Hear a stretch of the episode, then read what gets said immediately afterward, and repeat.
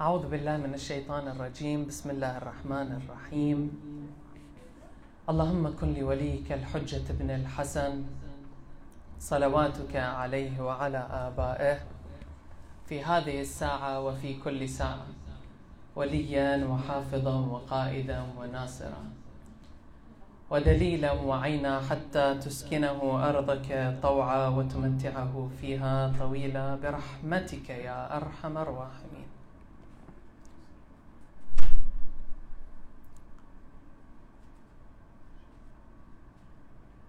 في moments. نرى عنكم صلك أنتل صلوات. اللهم صل على محمد وآل محمد.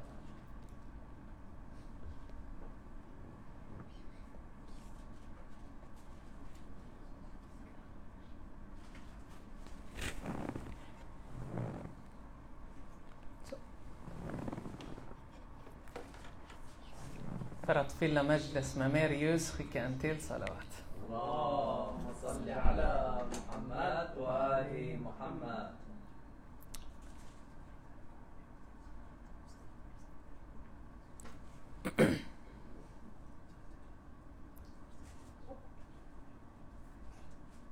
Idag ska vi prata om en hjälte.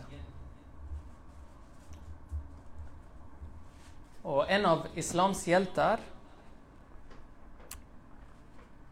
är hjälten som hans martyrskap är idag. Det är ingen annan än Ja'far var son till Abu Talib.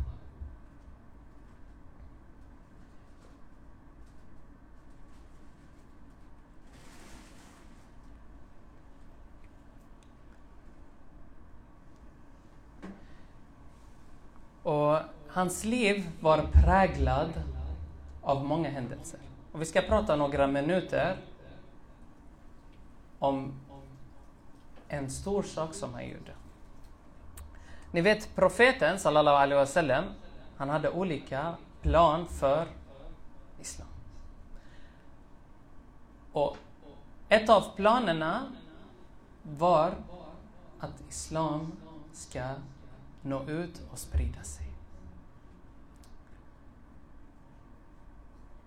Så profeten sallallahu alaihi wasallam, han samlade några av hans följeslagare och skickade dem till Habesha, till Afrika. Och till den dåvarande härskaren An-Najashi, hette han. De var kristna och de hade mer acceptans och tolerans för muslimer.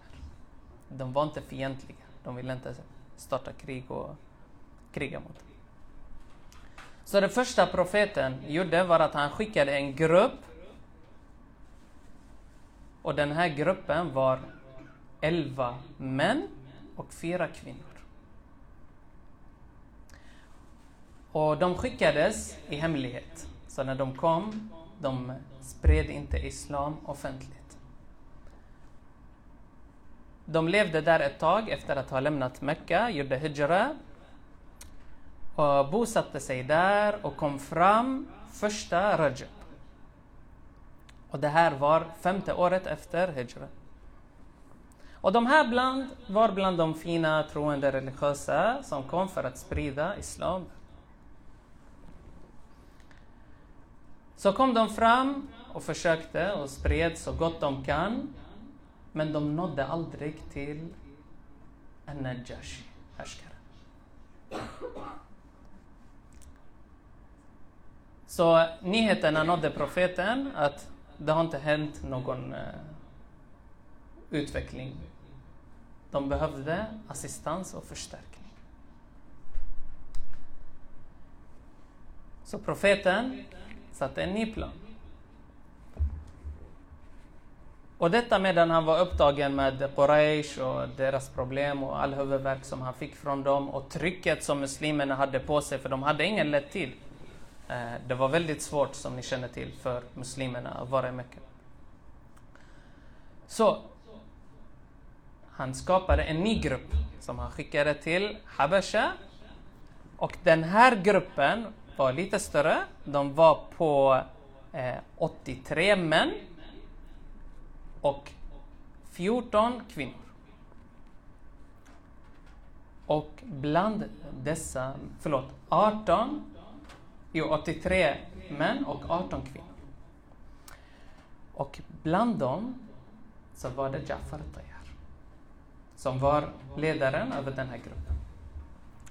Så fort Jafar Tayyar kom fram ändrades hela situationen. Och den första gruppen kände sig förstärkt. Jafar har kommit, son till Abu Talib. Och Jafar, han var känd för sin moral. Han var känd för sin tro. Han var känd för att vara en väldigt modig och smart person. Så snabbt spred sig ryktet i Habasha att en väldigt, väldigt religiös och ren person har kommit. Så många skyndade sig till att träffa honom, lära känna honom. Och han började inte med att öppet prata om islam och sprida, utan genom sin moral och akhlaq, han lyckades få fäste i deras hjärta. Subhanallah syskon, tänk Det är precis som vår situation. Vi har kommit, hijra, från våra länder hit till Sverige. Likheten är många. Kristendom på något sätt finns ändå präglad i Sverige.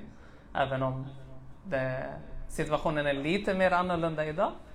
Men Sverige är egentligen ett kristet land. Och det finns många drag som liknar den, nov, den dåvarande situationen i Habesha. De var fredliga, trevliga, eh, allmänt fina människor. Ändå drogs de till moral. Det i sig, syskon, det visar hur mycket stort ansvar egentligen vi har som muslimer.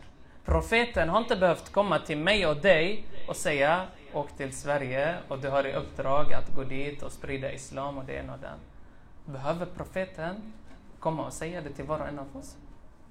Ja, han behövde när femte år efter Hijr för att säga till en grupp, åk till Habesha, sprid islam. Men egentligen så är det här budskapet inte bara anknutet till Afrika och en del av världen, utan för hela världen och hela mänskligheten. Och det är genom att vi följer vår tro, genom att vi visar på de moraliska värderingarna som Islam står för och lär oss, och det som profeten sallallahu alaihi wasallam undervisar oss. Som profeten uppfostrade oss genom att följa honom. Fattabi'uni. Följ mig. Genom att följa mig, ni sprider tro. Genom att följa de här moraliska värderingarna på vår skola, på vår arbetsplats, på jobbet, bland våra kollegor, med våra grannar, i, där, i våra bostadsområden. Där vi finns och hörs, där kan vi återspegla tron. För den här tron är inte bunden till moskén. Det här är inte en religion som är bunden till eh, statyer, billah, eller moské, eller eh, vissa ritualer, eller vissa eh, böneplatser. Nej, nej. Det här är en tro som ska återspeglas i våra handlingar och i vår moral. Det är en levande tro-religion. Den är inte bunden till olika saker, utan den är till för att man ska reformera. Inte bara sig själv. Sig själv. Qu anfusakum, vad säger Koranen? Qu anfusakum wa ahlikum naran. Inte bara er, skydda inte bara er. Skydda er och er familj och de runt omkring. Och hur ska jag skydda dem? På den tiden det var genom att sprida ma akhlaq. Kolla hur mycket profeten sallallahu alaihi wasallam poängterar detta. Varför väljer han Ja'far al-Tayyar? Han var känd, modig, stark. Han behövde honom. Ja'far al-Tayyar accepterade direkt och gjorde hijra. Han behövdes i alla krig som muslimerna gick igenom. Han missade många av krigen. Ni vet när Ja'far al-Tayyar kom tillbaka från Habasha det var då muslimerna segrade i Khaybar. Efter att Imam Ali klöv porten och muslimerna segrade i Khaybar så kom Ja'far Tayyar efter att ha fullgjort sitt uppdrag. Och profeten sallallahu alaihi wasallam i den händelsen sa också någonting väldigt stort som poängterade det här stora som Ja'far Tayyar lyckades med. Det var hans, han sa till dem. Jag vet inte vad jag är mer glad över. Segern i Khaybar eller av att se Ja'far komma tillbaka. Skicka en salam. اللهم صل على محمد وآل محمد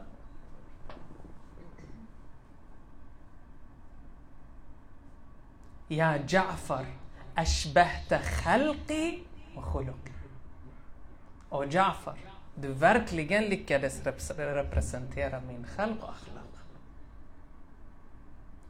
För att Ja'far, han gjorde någonting som var speciellt. Han kom till Najashi. Vi går tillbaka lite i historien där. Hur kom den här kontakten med Najashi? Najashi han får höra, det har kommit en jätteren, fin person, klok, smart person. Ta honom som rådgivare. Så han kommer till Ja'far för att höra honom, för att se vad han pratar om. Så Ja'far, han börjar recitera verser från Koranen. Och vilka verser tror ni han läser för att komma närmare hjärtat av en kristen? Han läser verserna från Sura Maryam. Om hur Islam ser på Nabi Isa salam. Här, när Najashi hör verserna, han säger stopp. Du säger Isa är Abdullah. Isa är Guds son, vad säger du? Han blir arg på honom. Han säger till honom, vår tro har en annorlunda syn. Lyssna klart på verserna, sen kan du uttrycka din åsikt. Så han fortsätter och läser verserna från Sura Maryam salam tills han kommer till miraklerna som Nabi Isa salam gjorde när han pratade vid ung ålder. Och hur Koranen poetiskt beskriver den här relationen mellan Maryam och Isa alayhi. Här, när Jashi blir förälskad i sättet Koranen lyfter, från- i sättet Koranen poetiskt beskriver Isa alayhi salam. Och inte bara versen, utan den som reciterar dessa verser.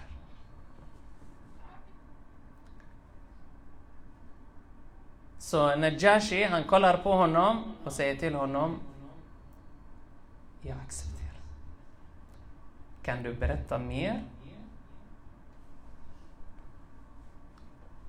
Så han sa till honom, jag ska börja och berätta för dig om vår profet. Och han börjar berätta och berätta och berätta och Najashi blir helt uppsluken av Ja'fars perso- personlighet. För han hade en personlighet, som sagt, var med mycket ren och fin akhlaq.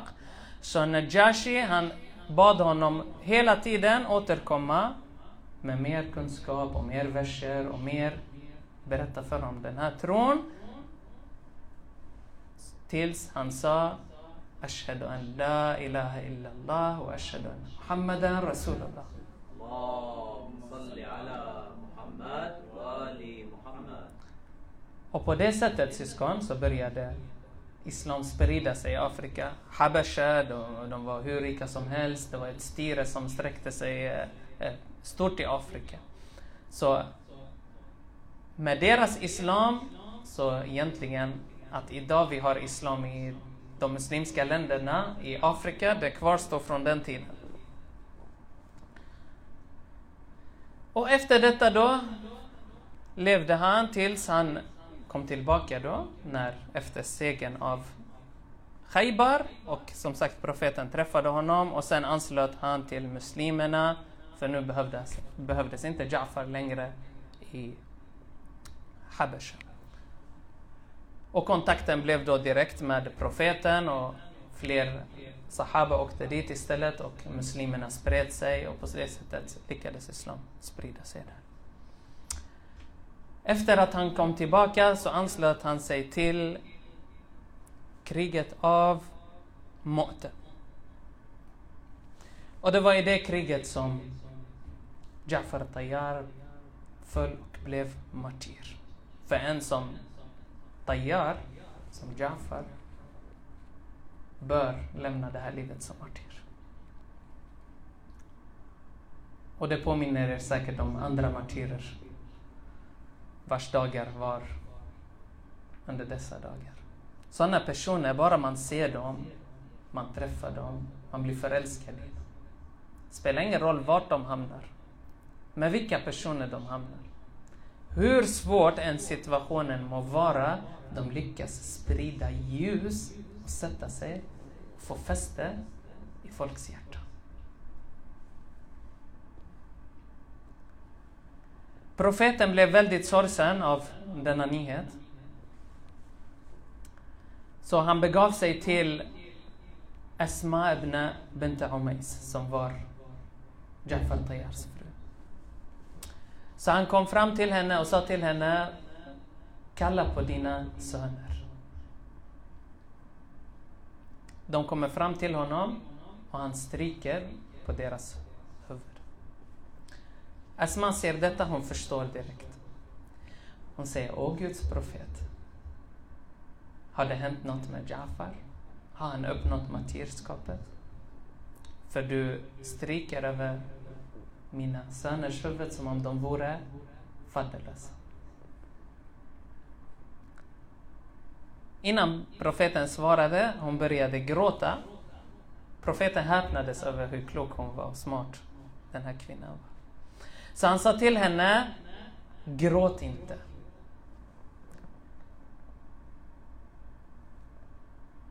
En som Jafar, han är nu i paradiset och jag ser honom ha två vingar och flyger runt med änglarna.